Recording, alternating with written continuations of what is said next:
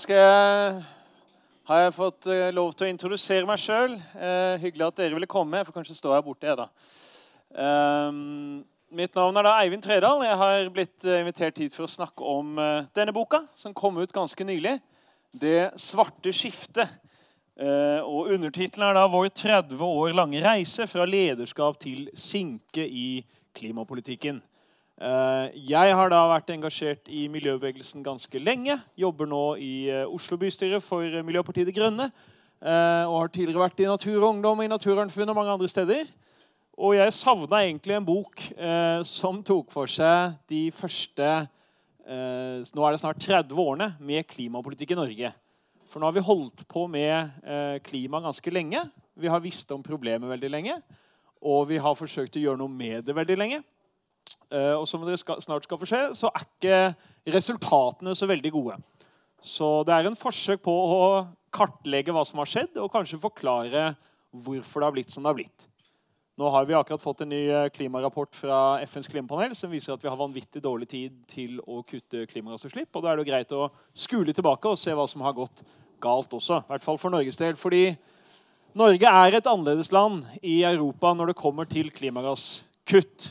Eh, denne, dette er da fra 1990 til 2016. Tallene er litt bedre nå. Nå har Norge omtrent 2,4 høyere klimagassutslipp til sammen enn vi hadde i 1990. Men det er da mye høyere enn våre naboland. Sverige har da kutta sine klimagassutslipp med rundt 25% Storbritannia over 63% Tyskland og Danmark rundt 26% og snittet i EU 22,6% Så alle landet vi liker å sammenligne oss med, har kutta klimagassutslippene ganske dramatisk siden 1990. Og 1990 er jo det man bruker som grunnår når man prøver å finne ut hvordan vi ligger an. Det, vi, det er da vi regner fra. Og det meste som da skal gjøres på klimafronten, tradisjonelt sett, har blitt målt opp mot det året. Så kan man jo tenke at det ikke er så farlig at Norge har ikke kutta så mye fordi man tenker at Norge allerede var miljøvennlig da vi fikk en klimapolitikk. Altså, Hvis vi allerede hadde lave utslipp, så var det kanskje ikke så farlig at det ikke sank så mye. Men det stemmer heller ikke, dessverre. Våre utslipp per hode er mye høyere enn f.eks. nesten dobbelt så høye som Sveriges. Og de ligger også et godt stykke over snittet i Europa. Litt under Tyskland, som har mye kullkraft og mye industri. Men vi er ikke spesielt miljøvennlige per hode enn, altså, sammenlignet med våre naboland, på tross av at vi nesten bare har fornybar energi. Ikke sant? Vi produserer strømmen vår bare med vannkraft og annen fornybar og litt grann gass. Allikevel så er det da såpass ille. Så vi lå ikke godt an den gangen, og vi har ikke klart å kutte. Men det tar jo ikke med alle utslippskildene i Norge. eller det, vil si, det tar ikke med hele regnestykket i mine øyne. For hvis du ser på oljebransjens bidrag, altså klimagass utslippene fra all olje og gassen som vi eksporterer til utlandet, så tilsvarer det omtrent en halv milliard tonn CO2. Som da er ti ganger mer enn alle klimagassutslipp i Norge. Eh, sånn at Hvis du tar med det, så er Norge verdens sjuende største eksportør av CO2 i form av fossil energi bak andre oljeproduserende land. Det kommer jo da ikke med på denne statistikken her. I tillegg så kan vi jo se på flyreiser, som heller i hovedsak ikke regnes med i det norske regnestykket. Og ikke andre lands regnestykker heller. Det er ganske dårlig telling av flyreiser. I Norge så har eh, vi 7,3 eh, fly som letter og lander eh, per hode da, i løpet av et år. Mye høyere enn snittet i Europa. Nordmenn flyr veldig mye. Og i hovedsak så blir ikke de flyreisene regna inn på vårt årlige regnskap. For når vi da slipper ut 10,5 tonn CO2 per innbygger, en tur til Thailand, så kan du legge på kanskje tre tonn til. ikke sant? Så det er veldig store utslipp fra flyreiser. Så er det noe annet som ikke kommer med på regnestykket, og det er jo selvfølgelig klimagassutslippene fra alle tinga vi kjøper fra utlandet. Altså Når det produseres en iPad eller en mobiltelefon eller dongeribukser, eller hva det enn du importerer, så forurenser jo det på den fabrikken i Bangladesh eller Kina eller Tyrkia, men det kommer jo ikke på vårt regnskap. Og Importen vår av materielle goder fra utlandet har da mer enn femdobla seg i løpet av min levetid. Og det er jo i den samme tida som vi skulle ha hatt en klimapolitikk. Det kommer heller ikke med på regnestykket, og det ifølge en studie som kom ut i fjor, tilsvarer noe sånt som 60% av all klimaavtrykket vårt. Da. Så på en måte, for all forurensning vi regner i Norge, så er det tre ganger så mye forurensning som skjer i utlandet pga. vår livsstil. Og Så kan man selvfølgelig nå innvende at vi kan jo ikke telle både eksport og import og det som skjer i Norge, for da teller vi utslippene mange ganger. Eh, så på en måte så er ikke dette en økonomisk riktig måte å tenke på. Men i mitt hode så er det eh, Det gir mening hvis jeg skal gjøre opp et moralsk regnskap over min egen klimaavtrykk. Så syns jeg det gir mening både å se på hva vi eksporterer, og hva vi importerer og hva vi forbruker her i Norge. Og summen av det er veldig mye høyere utslipp. Det kan vi også se på kjøttstatistikken. Nå har det vært mye veganerdebatt i Norge de siste ukene, men de har et godt poeng i at norsk kjøttforbruk har mer enn dobla seg fra min far var på, ja, da han var liten, til i dag. Når det da er gått bare én vei egentlig, oppover. Og Kjøttproduksjon skjer ofte også i stor grad i utlandet, eller den er basert på utenlandsk fôr, som igjen gjør at mye av klimaregnskapet ikke tas med i den norske statistikken.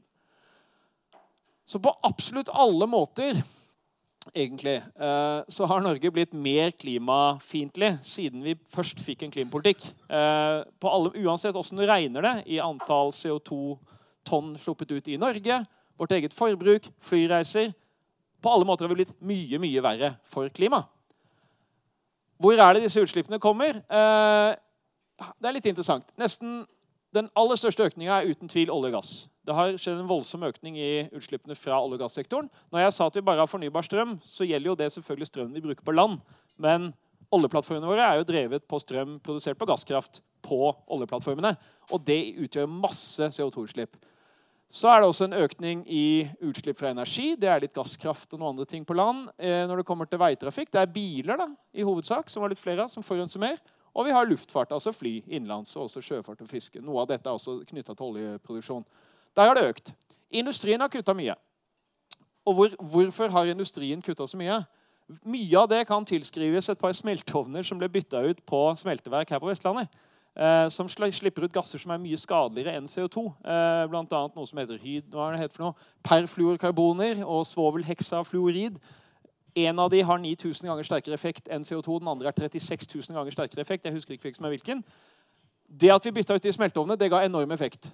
Um, og Det gjør også at den totale klimagassstatistikken ikke ser så ille ut. 2,4% økning, selv om det er ille i forhold til våre naboland. Men det maskerer også at CO2-utslippene våre har økt mye mer enn den statistikken viser. Så vi har faktisk fått 29% mer CO2-utslipp årlig. Beklager litt upresis her. Det er ikke CO2-nivå, men det er endring i CO2-utslipp hvert år. 29% økning i CO2-utslippene men bare 2,4% økning i klimagassutslippene. Og Det er jo fordi man regner inn mye mer gasser og mye mer i den statistikken enn bare CO2. Og grunnen til at jeg nevner den forskjellen er at Det er mye vanskeligere å kutte disse CO2-utslippene enn det var å bytte ut de smelteovnene. Noe som da gjør at vi nå har fått ikke bare litt økning i, altså i klimagassutslippene, men vi har også fått mye vanskeligere utslipp å kutte. Så nå er det altså mye vanskeligere å uh, kutte utslipp enn det var i 1990, fordi vi har tøffere utslipp. Dette er i hovedsak da, biler, fly, uh, gasskraftverk på oljeplattformer. Det er vanskelig å bytte det ut. Så har blitt, jobben har blitt vanskeligere, og vi har gått i feil retning i 30 år. En annen ting som har gått i feil retning Dette er forresten et veldig deprimerende foredrag. Uh, er klimaengasjementet vårt. Uh, I Norge i 1989, når vi først fikk en klimapolitikk, så var da nærmere 40% av befolkningen Nei, mer enn det, beklager. Til sammen var 70% av befolkninga enten meget eller ganske bekymra for klimaendringer. Uh, det gikk ned nesten hele 90-tallet til et bunnpunkt i 2001. Og antallet som overhodet ikke var bekymra, økte mye. Og ennå den dag i dag er det noe lavere på litt over 60 enn det da var under 60 beklager, enn det var da vi først begynte å få en klimapolitikk. Og det er flere som overhodet ikke er bekymra i dag enn det var i 1989. Så det ser ut som nordmenn ikke bare har blitt mye mer klimafiendtlige, vi har også blitt mindre klimaengasjerte, og flere av oss har blitt totalt ubekymra for klima.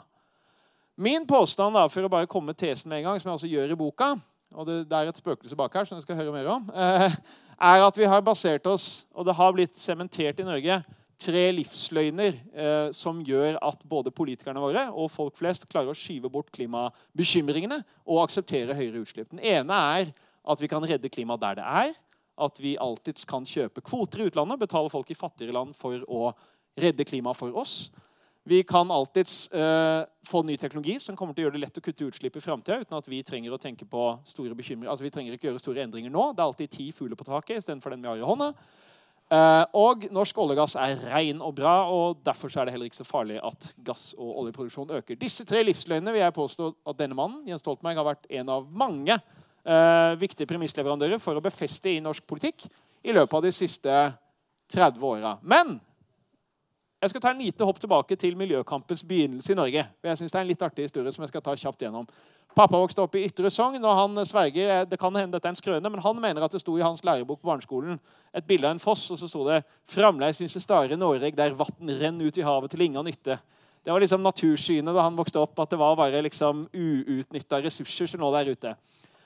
Og i hans levetid, i løpet av altså hans første par tiår, eh, hans barndom, ungdom og voksenliv, så endra holdningene til natur og miljø seg veldig mye i Norge. Vi var i Midt i egentlig en global grønn bølge som skylte over de fleste vestlige land, som hadde fått svær industrialisering etter krigen, og deretter begynte å se baksiden av medaljen. Og i Norge, så, for å hoppe et par tiår fram her, så endte jo dette opp i en kraftig kamp med helt det motsatte premisset. Ikke at elver bare er vann som renner ut i havet til ingen nytte, men la elva leve. Elva er et levende vesen.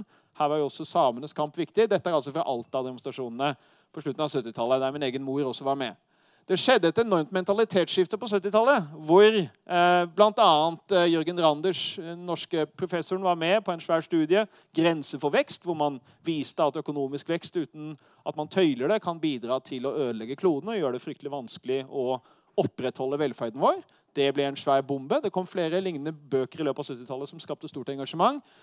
Ikke minst med Erik Damman, eh, inspiratoren bak eh, bevegelsen 'Framtiden våre hender', eh, som skrev boka for samme navn. Som, dette er da fra møtet ved Nadderudhallen, som eh, var eh, startskuddet for 'Framtiden våre hender'. Og der man snakka om både hvordan vi må stoppe forbruksveksten, og ikke minst hva vi kan gjøre i våre egne liv. Hvordan folk både på skolen og på jobben og i hverdagslivet og i politikken og i fagbevegelsen og alle steder kunne bidra til en mer rettferdig klode, bedre fordeling av ressurser og at vi skal ta vare på miljøet vårt, selvfølgelig. Så for å gjøre en lang historie kort, så ble Norge veldig sveipa bort av denne grønne bølgen. Altså, Arbeiderpartiet, Høyre, Senterpartiet, KrF og SV var alle enige i 1977 i det valget da, i denne påstanden. En forutsetning for global solidaritet og minsking av fattigdomskløften er at rike land slutter å søke materiell vekst og forbruksøkning. Det er det ingen partier, i hvert fall ingen av disse partiene som jeg tror mener i dag. Kanskje SV. Eh, men på den tida så var det altså såpass radikal eh, idé. altså det var, en, det var, en, såpass sterk bølge av radikalt engasjement for global fordeling og mot materiell vekst at til og med disse partiene var enig i det. Det var også to tredjedeler av Norges befolkning som sa ja til at en stans i velstandsveksten til fordel for en rettferdig global fordeling var en god idé. Og for å si det sånn, Hvis dere så på den grafen i stad over veksten i materielt forbruk i Norge, så hadde vi ganske mye å gå på den gangen. Altså, Folk var enige i å stanse velstandsveksten da. og Hvis vi hadde gjort det, så hadde ikke klimagassutslippene vært i nærheten av å være det de er i dag. Og Det kom en liten dupp i uh, miljøengasjementet på tidlig 80-tall. Og så kom det veldig tilbake igjen med Tsjernobyl-ulykken. Klimaengasjementet uh, begynte å øke. Stadig flere begynte å snakke om klima. Norge hadde vært et foregangsland i verden. Og vi hadde fått et av de første miljøverndepartementene en av argumentene da vi lagde Miljøverndepartementet, var til og med at vi burde lage et eget ressurs- og miljødepartement som skulle være over Finansdepartementet og lage budsjetter som gjorde at alle departementene måtte være miljøvennlige og bærekraftige. Det var ganske mange radikale tanker på den tida. I alle fall så hadde Norge markert seg globalt som en foregangsland på miljø. Annet med å ha et miljøverndepartement og denne damen, Gro Harlem Brundtland, en av de første miljøvernministrene, senere eh, statsminister, og også da eh, kvinnen som fikk oppdraget å lede arbeidet med FNs kommisjon for bærekraft, som skulle lage en rapport til hele verden om hvordan vi skulle takle de nye globale miljøproblemene. Jeg glemte å nevne ozonlaget, som selvfølgelig også var en sak som kom som ei kule akkurat på den tida. Så Norge ble gitt dette oppdraget. Gro Harlem Brundtland ble uh, foregangskvinnen. Det ble kalt Brundtland-kommisjonen. Og folk var enige om at hvis det var ett land som var spydspissen i arbeidet med å skape en bærekraftig klode, så måtte det være Norge, og ikke minst Brundtland. Og Da denne rapporten ble sluppet, nå er vi i 1987, så hadde i praksis eh, Norge planer om å bli det første landet i verden med en klimapolitikk, med et klimamål. Og eh, Ideen var da at vi skulle fortsette som vi hadde gjort, ved å være et forbilde. Hele Stortinget var enig at vi skulle vedta en ambisiøs ny klimapolitikk som skulle lede til først en stabilisering og deretter et kraftig kutt i klimagassutslippene våre. Og som det ble sagt i Stortinget, vi skal være et hestehode foran løpet og trekke de andre med oss. Og vi skal ikke minst vise utviklingsland at det går an å være et rikt land og kutte utslipp samtidig. Vår rolle inn i de nye Nå skulle vi få en global klimaavtale. ikke sant? Alle verdens land skulle være med på det. Og vår rolle som et lite land var å være ikke sant? Vi var små, men vi var store nok til å være et godt eksempel. Og det skulle vi være bl.a. gjennom denne tiltaksplanen. Vi satte oss et mål om å stabilisere klimagassutslippene innen år 2000. Og SFT som het den gangen, satte seg ned og skrev denne rapporten på skrivemaskin eh, med søt tegning foran. Eh, bidrag til den interdepartementale klimautredningen. En tiltakskatalog der man kan lese ikke sant? Her er det sykling, elbil, vindmøller. Man kan lese om hvordan Norge da, eh, både ved å satse på CO2-rensing De ville ha 20 elbiler innen år 2000. Det høres ut som en spennende. I dag er det 6,5 tror jeg. De ville satse på bare ikke sant, tog istedenfor fly. Ikke noe bilvekst inn til byene. Veldig mange tiltak som vi har hørt ganske mange ganger etterpå. Men de ble først foreslått i denne utredningen. Så for å gjøre Norges klimapolitiske eh, begynnelse, for å oppsummere den, så var det da vi var det første landet med et klimamål. Vi hadde en ambisiøs plan for å nå klimamålet. Og ideen var at vi skulle vise resten av verden hvordan det skulle gjøres. Det var bare ett problem. Og det var jo Beklager at dette lydsymbolet er i veien, men i 1969 ble det jo da gjort oljefunn. Eh, Ekofiskfeltet var vel det, utafor uh, utenfor Norge. Norgeskysten. Og dette førte veldig raskt til at vi bygde opp en oljebransje. Vi var jo da i gang egentlig omtrent akkurat samtidig som den store grønne bølgen skylte over Norge. Så kom altså en bølge av penger, investeringer og ikke minst oljefunn utenfor norskekysten. Um, det var jo veldig mye optimisme. Jeg synes det var en morsom reklame fra den tida. Each day humble supplies enough energy to melt 7 million tons of glacier. Hurra! Det var en sånn kjempestemning. All den energien vi kunne finne. Dette er jo et utenlandsselskap, da. Men det var eh, mye optimisme knytta til den nye oljepolitikken. Norge fikk tre oljeselskaper. Eh, Statoil, Saga og Hydros oljeavdeling. Eh, vi hadde i begynnelsen ganske rolig oljeutvinningstempo. Men utover 80-tallet så begynte oljebransjen å bli ganske utålmodig. De hadde lyst til å pumpe, eller utvinne mer olje. De hadde lyst til å få flere felter. De var klare for å ekspandere. Og Norge begynte å få en ganske heftig debatt om hvorvidt det var greit å øke oljeutvinningstempo. Og en av de åpenbare innvendingene var jo vel, vi har jo akkurat bestemt oss for å redde klima. Er det helt forenlig? Men det de egentlig var mest bekymra for, var selvfølgelig ikke over, overoppheting av kloden, men overoppheting av økonomien. Eh, de var jo bekymra for at vi skulle bli som Nederland og eh, utvinne masse olje, bruke alle pengene på velferd og plutselig sitte igjen eh, med svære offentlige utgifter og ingen oljeinntekter. Dette diskuterte bl.a. denne mannen, Jens Stoltenberg, her fra en fotoshoot i forbindelse med Mannsutvalget, som han satt i. Han var jo den gangen AUF-leder, skrev sin eh, hovedfagsoppgave om, i samfunnsøkonomi om hvordan et lite land kan utvinne olje på en mest mulig samfunnsøkonomisk fornuftig måte. Og det han kom fram til, som sannsynligvis var det riktige svaret i sensors øyne og i økonomens øyne på den tida, var jo at man bør sette pengene på et fond og hente eh, ut gevinsten i form av renter etter hvert. Det fjerner jo alt problem med å pumpe olje raskt, for da kan man uansett bare sette pengene på et fond. Eh, Stoltenberg var en av mange som mente dette. Det var et tempoutvalg som allerede hadde vært nedsatt et stund før dette, som diskuterte utvinningstempo på sokkelen. Og For å gjøre den debatten også kort, så ble man enige om å lage dette fondet. Og det ga selvfølgelig da grønt lys for eh, full fart på norsk sokkel. Vi fikk en av verdens høyeste utvinningstempoer. Klimapolitikken starta her, og her starta også eh, oljefondet her. Og sånn gikk det med oljeutvinninga. Um, og det forklarer jo egentlig det meste mer jeg skal si. fordi når man først hadde valgt dette, uh, å gå inn for maksimalt oljeutvinningstempo i Norge, så var det heller ikke så lett å rettferdiggjøre det klimamålet vi hadde satt oss. Vi ville aldri klare å nå det med all denne olja, fordi vi bruker gasskraft blant annet, til å utvinne olje på sokkelen. Hva skulle Norge gjøre? Her kommer livsløgnen om global uh, klimainnsats inn. Med en gang nesten ble norske ekspertmiljøer enige om at vi kunne absolutt ikke nå det klimamålet vi akkurat hadde vedtatt på Stortinget. Vi må isteden satse på en annen innfallsvinkel. Og løsninga blei det som kalles kostnadseffektivitet, og aller helst global kostnadseffektivitet. At man skal gjøre det billigst mulig, og ikke nødvendigvis i Norge. Og det var jo på en måte veldig rasjonelt. Det var jo først og fremst det det var. Altså Hvis det koster 100 kroner å kutte et tonn CO2 i Norge og 10 kroner i Polen, hvorfor skal vi gjøre det i Norge? Det er en argumentasjon de fleste forstår. Og Det gikk eh, både departementet, Finansdepartementet og flere hardt inn for å argumentere for. Det samme gjorde flere eh, ekspertmiljøer, og det gjorde også fagbevegelsen etter hvert. Og eh, Arbeiderpartiet og Høyre var veldig med på notene.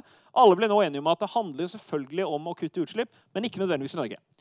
Derfor gikk man inn for en såkalt kostnadseffektiv miljøpolitikk. Vi skulle i hovedsak eh, bidra gjennom internasjonalt arbeid, og forhåpentligvis ville vi få muligheten til å kutte utslipp i utviklingsland. For Det interessante med å snakke om global kostnadseffektivitet er jo selvfølgelig at da sier du egentlig at vi alltid skal gjøre det i eh, det fattigste landet, eh, ideelt sett.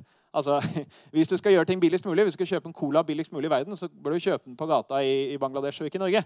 Og hvis du skal til tannlegen og kan dra til Tyrkia, så er det billigere enn Norge. fordi kostnadsnivået er lavere. Så hvis du alltid skal kutte det billigste tonnet CO2, så betyr det at du alltid mener at det er de fattigste i verden som bør endre sin livsstil først. Og så kan vi etterpå. For vi må gjøre det billigst mulig først. er tanken. Det var ikke så mange som tenkte over de dilemmaene den gangen. Det ble egentlig bare befesta som en smart ny måte å kutte klimagassutslipp på. Og slik ble den første livsløgnen i mine øyne knesatt i norsk politikk. Jeg tror også det var en baktanke her som ikke ble sagt like direkte, men som du kanskje kan finne spor av i dette oppslaget. Da Stoltenberg var næringsminister på tidlig 90-tall, så påpekte han at eh, Kull hadde jo nylig gått ned i pris fordi bl.a. olje og andre energikilder hadde begynt å konkurrere med kull.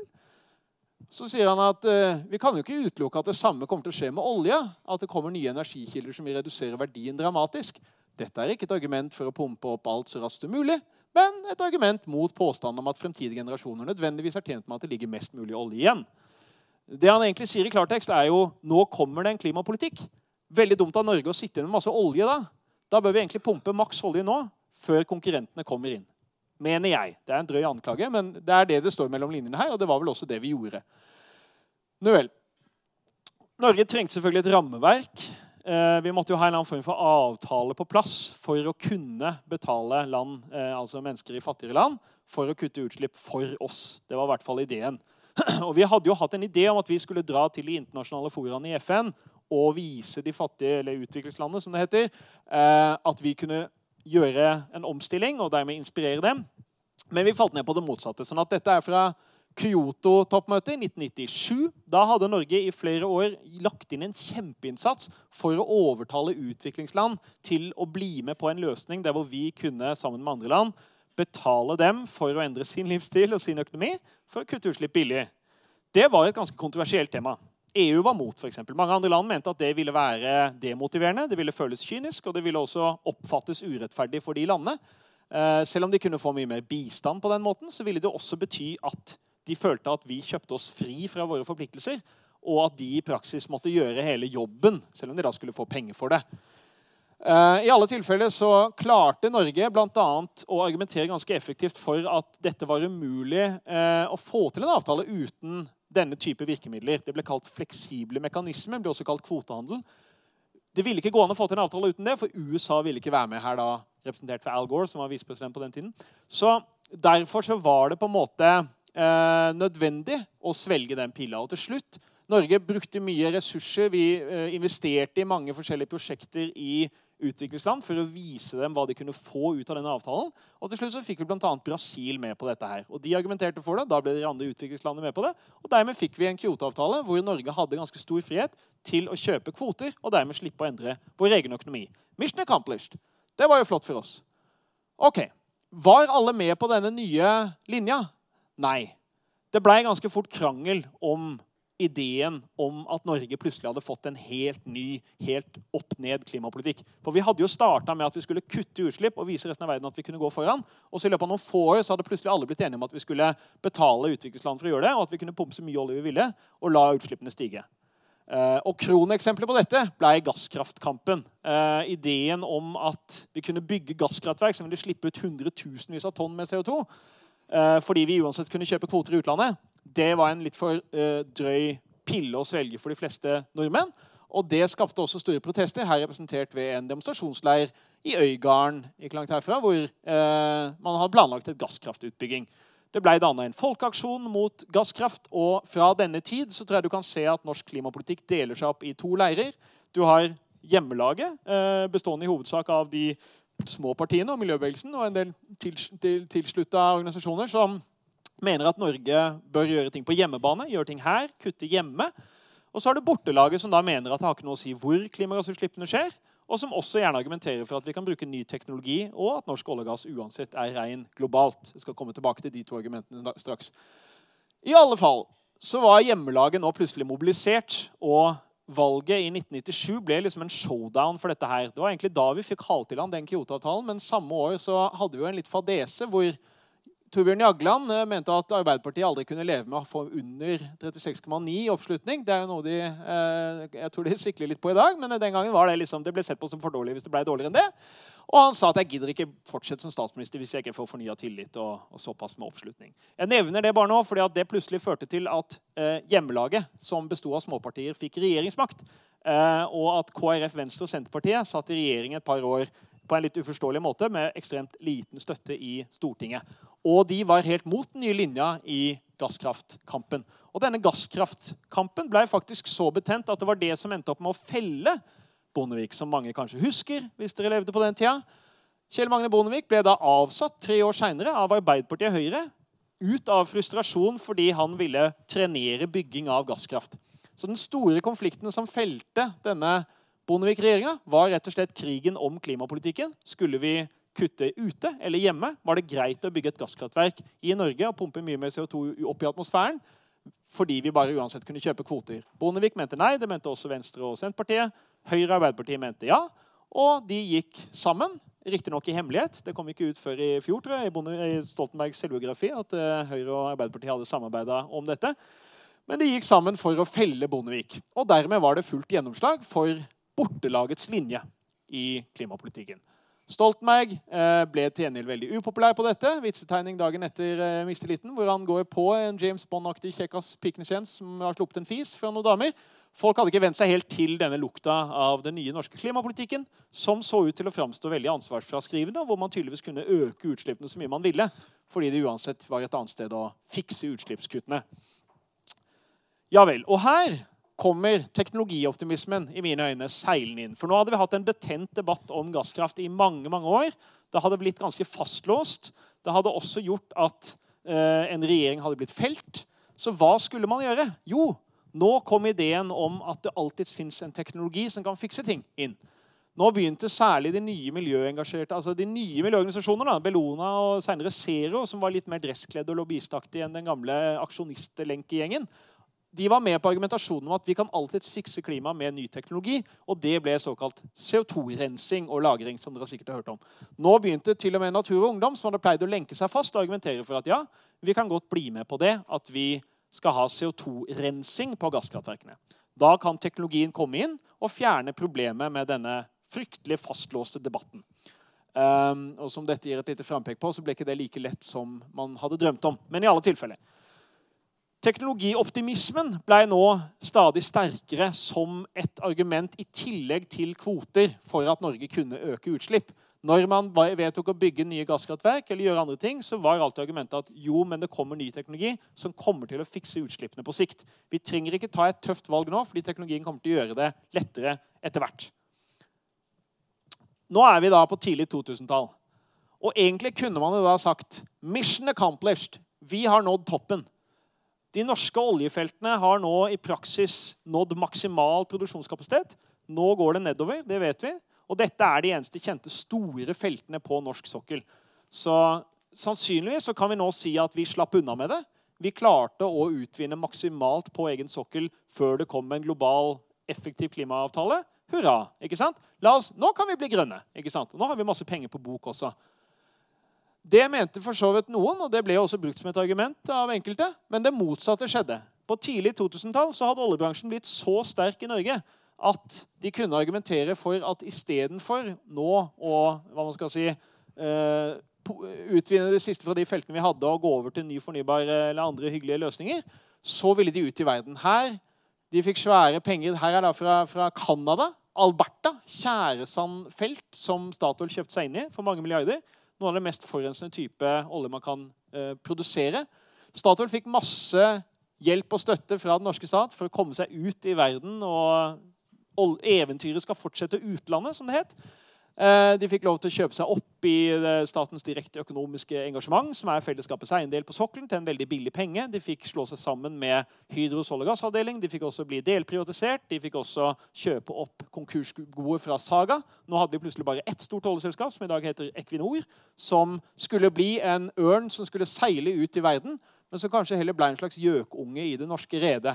I alle fall fikk de også lov til å investere i masse problemområder, som Nigeria, Angola, masse forskjellige land, Aserbajdsjan, med mye korrupsjon, mange av dem diktaturer.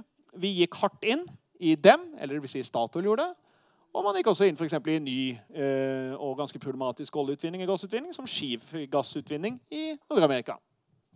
I tillegg så åpna man opp Arktis, og det ble et kappløp for å prøve å utvinne olje i det tidligere utforska områdene i Barentshavet.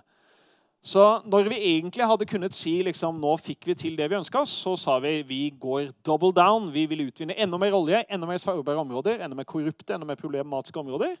Fordi oljebransjen hadde blitt såpass mektig i mellomtida. Og her tror jeg den tredje store livsløgnen begynte virkelig å gjøre seg gjeldende. Argumentene ble etter hvert eh, veldig dominerende om at norsk olje- og gassproduksjon er ren i forhold til andre lands olje- og gassproduksjon. Til og med når vi er i utlandet. De gikk ut en pressemelding fra Statoil på et tidspunkt om at de utvant eh, tjæresand på en litt mer miljøvennlig måte enn andre land. Altså var det alltid miljøvennlig å utvinne olje så lenge det var et norsk flagg på oljeplattformen. Og dette ble da det tredje bærebjelka i livsløgnene. Og eh, hva skjedde så? Jeg skal ikke hoppe rett dit. Jo. Hva skjedde så med eh, politikken? Nå har jeg nevnt at Bondevik ble felt. Bondevik gikk jo da inn i regjering igjen, denne gangen med Høyre som seniorpartner. Eh, men han fikk bli statsminister. Men for å gjøre en lang historie igjen kort der, så eh, ble jo Venstre og KrF med på notene. De aksepterte å åpne Barentshavet, de aksepterte å bygge ny gasskraft.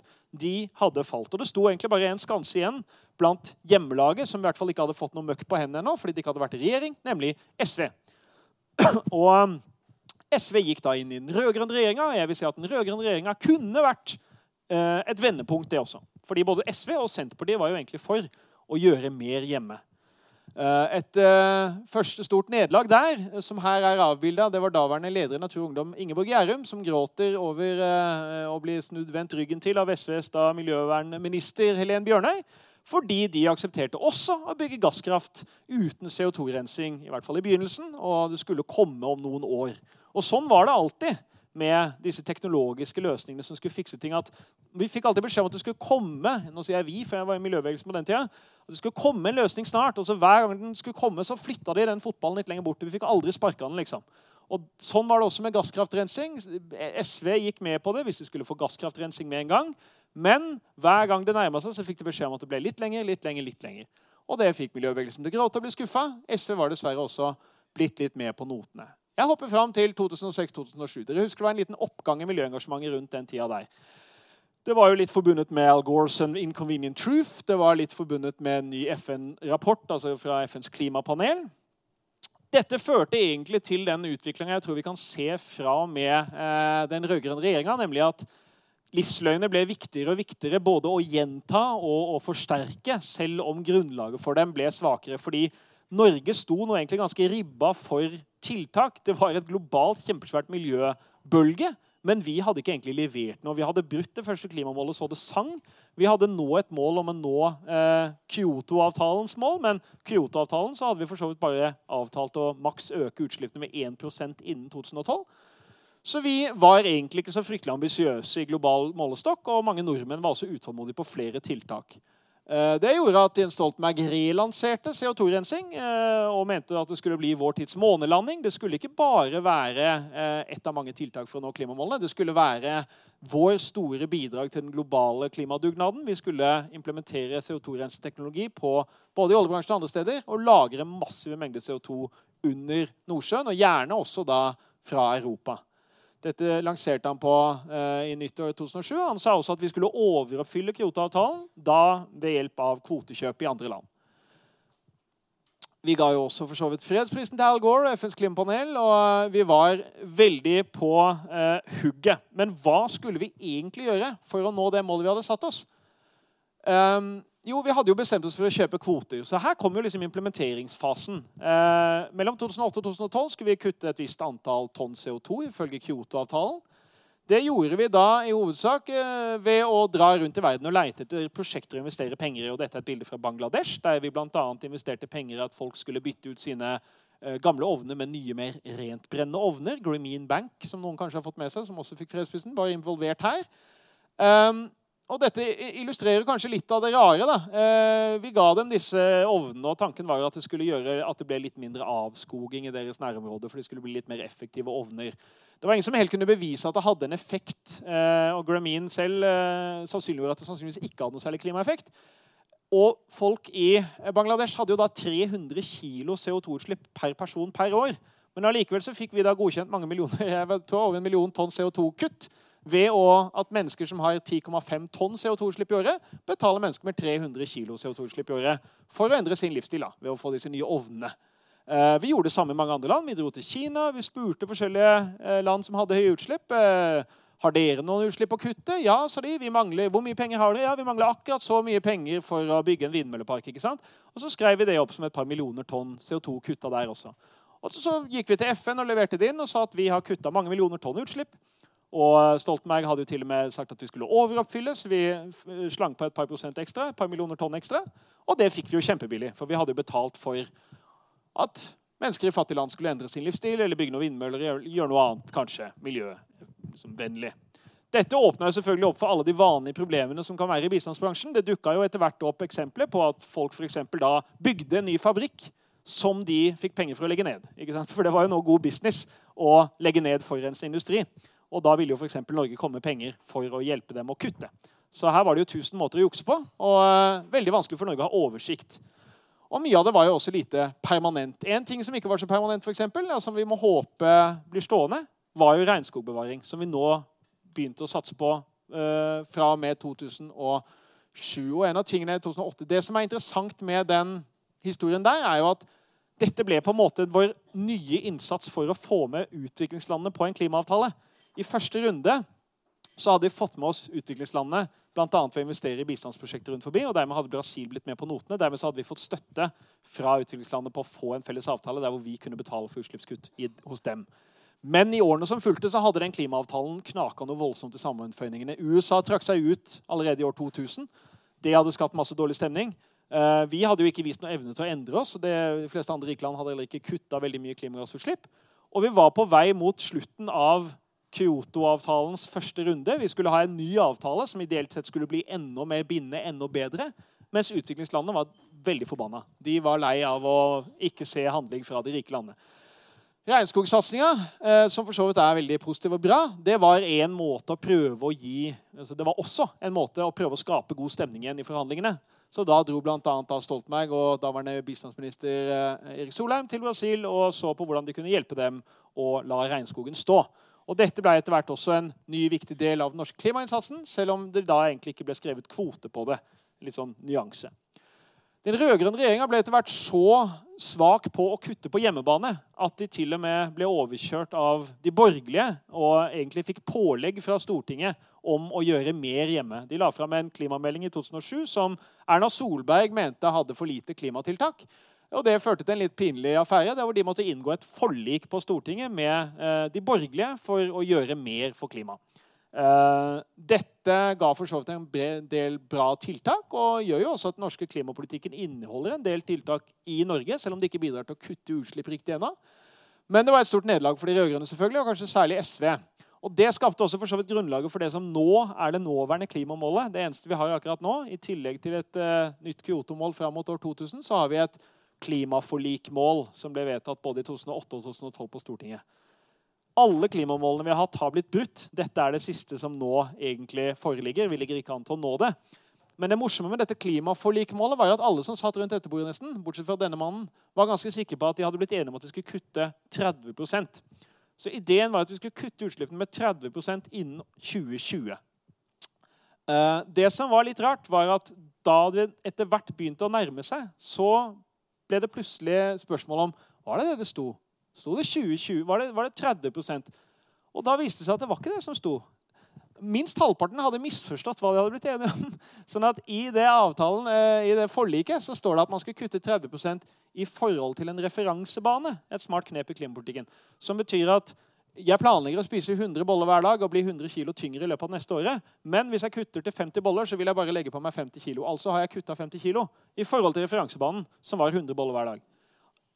Det er litt komplisert, men sånn kan man trikse med tall. Og hvis man tar med referansebanen, som da var 'Norge gjør ingenting for klima', og ned, trekker ned 30% så kommer det til omtrent 6% kutt. Og dette oppdaga verken Venstre eller KrF eller jeg tror heller ikke Senterpartiet hadde fått det med seg før et par år seinere. Så klimapolitikken var blitt såpass komplisert at ingen egentlig forsto hva den handla om. Og de hadde heller ikke klart å kutte noen utslipp. Ja, ja. Klimasamarbeidet var helt avgjørende for Norge for å kunne holde på sånn som vi gjorde, nemlig å kutte utslipp i utlandet med kvoter. Det rakna fullstendig eh, i København 2009. I hvert fall den typen klimasamarbeid som vi ville ha. Eh, man endte opp med en veldig svak avtale. Her sitter jo da Sarkozy, Obama, Merkel og er slitne på tampen av en mislykka forhandling. Avtalen ble ikke noe av, eh, og hovedgrunnen til at det ikke ble noe av, var at utviklingsland var dritlei av å se at rike land ikke gjorde noe. Eh, og ikke minst at USA ikke ville gjøre noe, men de var jo også sur på andre land som fortsatte å øke utslippene sine, som Norge. Selv om vi fikk litt cred for å ha kommet med regnskogpenger. Og for, for å liksom ta en temperatursjekk på stemninga i de forhandlingene, så var jo hovedforhandleren fra utviklingslandet uh, som, fra, fra, Kongo, gikk jo da ut og sa at Nei, Sudan er det kanskje. ja. Han gikk ut og sa at denne tankegangen som de rike landene baserer seg på, i disse forhandlingene, er den samme som sendte millioner av mennesker til ovnene i Europa. Så det var liksom, det var ikke sånn kjempegod stemning når de var ferdig med de forhandlingene. Og det hadde han kanskje grunn til å mene da, at her var det jo en ganske kynisk gambling med menneskers liv. For mange av de landene han representerer, kan jo bokstavelig talt forsvinne fra jordens overflate med klimaendringer. Um, I alle fall. Klimaforhandlingene kollapsa. Og med det så kollapsa også egentlig ganske mye av grunnlaget for bortelogikken.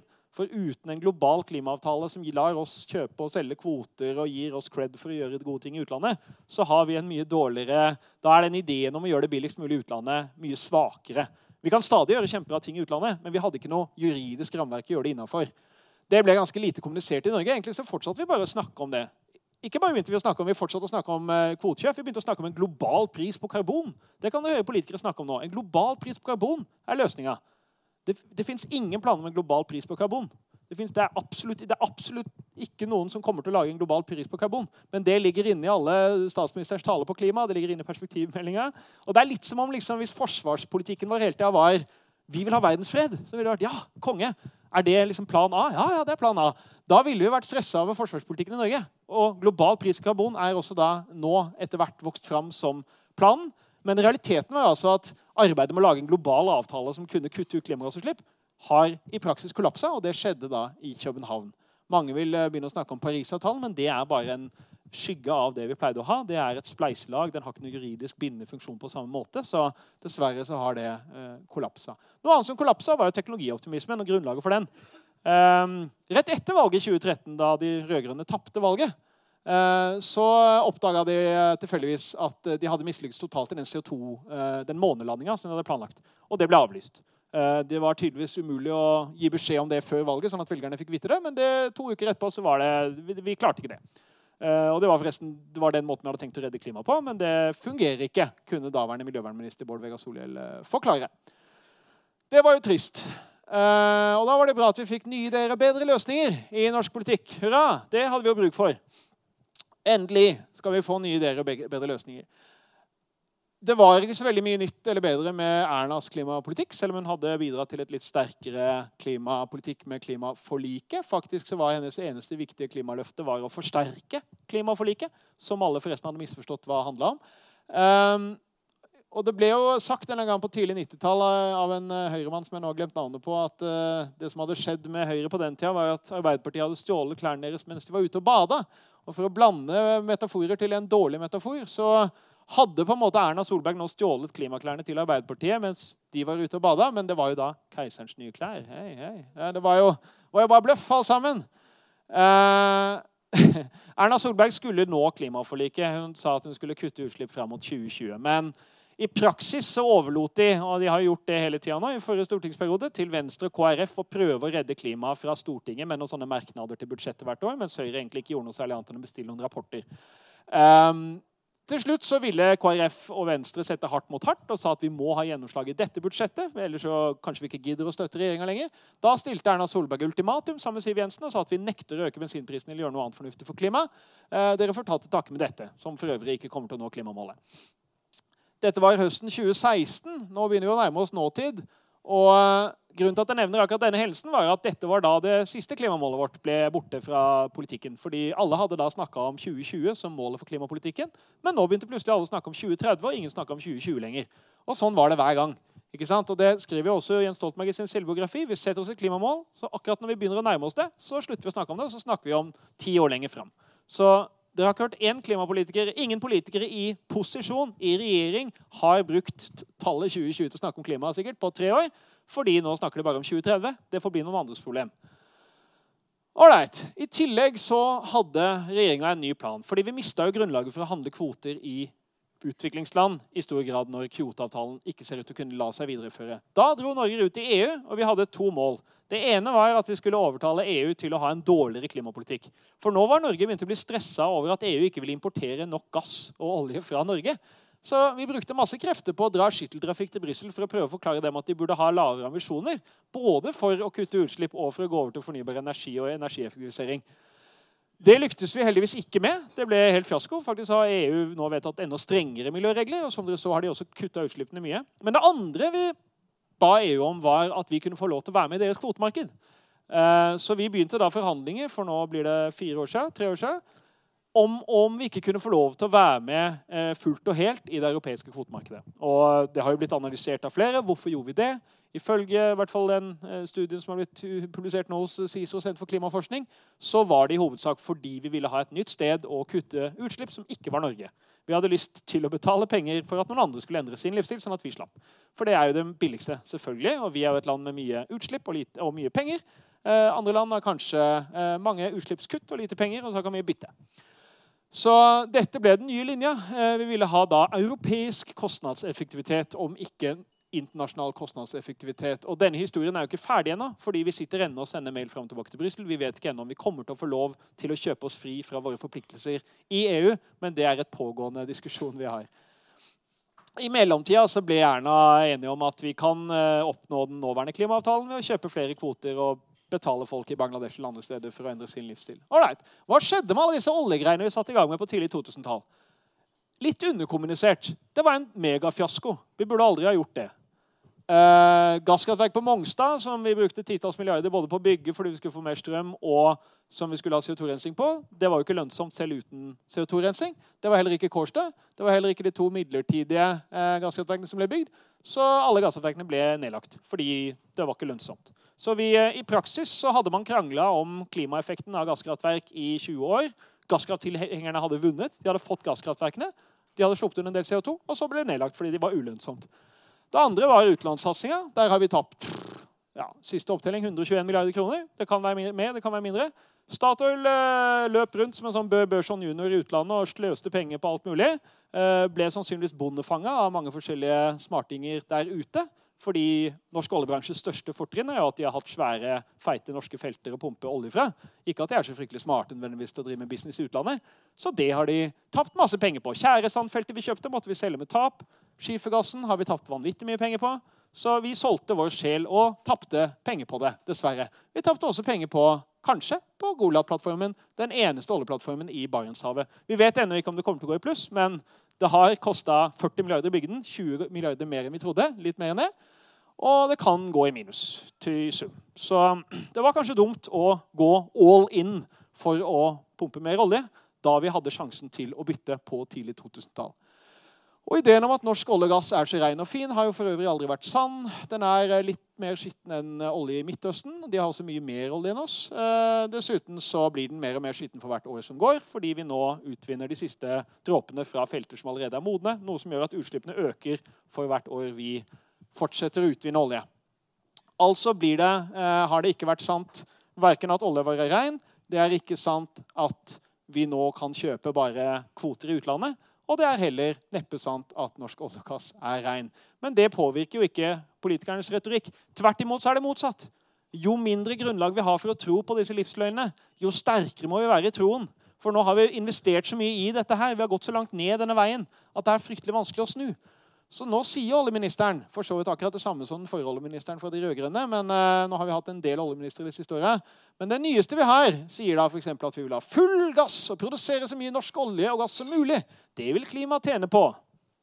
Det går det an å si. Det er, ingen, det er ikke noe grunnlag for det, men det er grunnlag for de norske livsløgnene. Eh, Nikolai Astrup, nåværende bistandsminister, den gangen miljøpolitisk talsmann i Høyre, kunne gå ut og si at Norge burde faktisk forurense mer. For vi har den reneste forurensninga i verden. Det er helt logisk hvis man tror på disse livsløgnene. Men de har altså ikke noe særlig grunnlag, og vi er kanskje som Per Ulv som har løpt utfor et stup og har eh, ennå ikke begynt å kikke ned. Eh, vi har ikke noe grunnlag for å tro at vi kommer til å få en global karbonpris, eller at vi kommer til å kunne kjøpe kvoter for all framtid, verken i EU eller andre steder. Vi eh, kan i hvert fall ikke se at norsk olje og gass er rein eller redder klimaet. Og greia med teknologiutvikling ja, den skjer på en måte raskt, men greia er at vi hadde all teknologien i 1990 som vi trengte. Gulrot var oppfunnet, og lyntog var oppfunnet, og elbil fantes for den saks skyld. Det har aldri mangla teknologi. Men det vi ønsker oss, er jo ikke egentlig teknologi. Men vi ønsker oss en magisk trylleløsning som fjerner alle problemer med å innføre teknologien. For det er jo dyrt å innføre teknologi. Så det vi sier er jo alltid at jeg skulle ønske at det fantes en teknologi som, som, gjorde at jeg kunne spise mer ville uten å bli feit, og drikke øl uten å få ølmage, og bygge gasskraft eller kjøre bil uten at det var så forurensende. Eller bygge en ny flyplass og satse på at det kommer elfly i framtida. Dette har Norge gjort helt konsekvent, og sånn fungerer dessverre ikke teknologiutvikling.